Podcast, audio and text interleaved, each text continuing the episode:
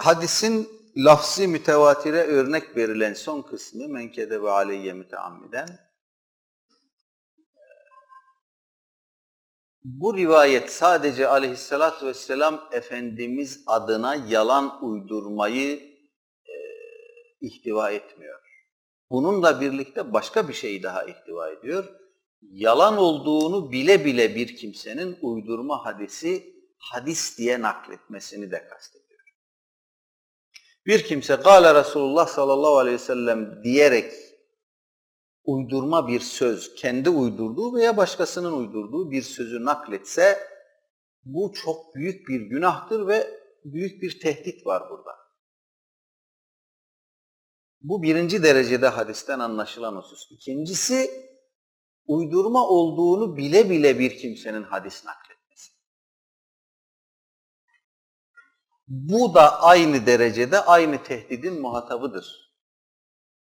Dolayısıyla ben insanların dikkatini İslam'a çekmek için, insanları ibadete yönlendirmek için, insanları Kur'an okumaya yönlendirmek için şöyle şöyle hadis uydurdum dese bir insan bu tehdidi savamaz. Bu tehdidin muhatabı olmaktan kurtulamaz.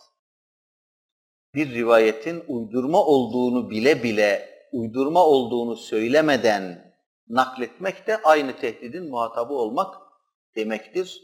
Son derece önemlidir. Günümüzde kürsülerde, internette, orada burada görüyorsunuz, duyuyorsunuz. Çok ibretlik bir şey.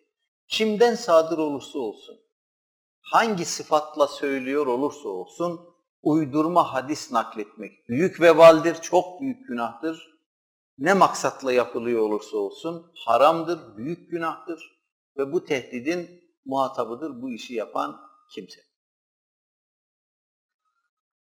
Bu bakımdan hadis uleması diyor ki e, uydurma rivayetleri uydurma olduğunu söylemeden ya da ümmetin dikkatini bakın bu uydurma bir rivayettir diye ümmetin dikkatini çekmek maksadı taşımadan nakletmek caiz değil. Uydurma hadis nakleden kimse bunun uydurma olduğunu söyleyecek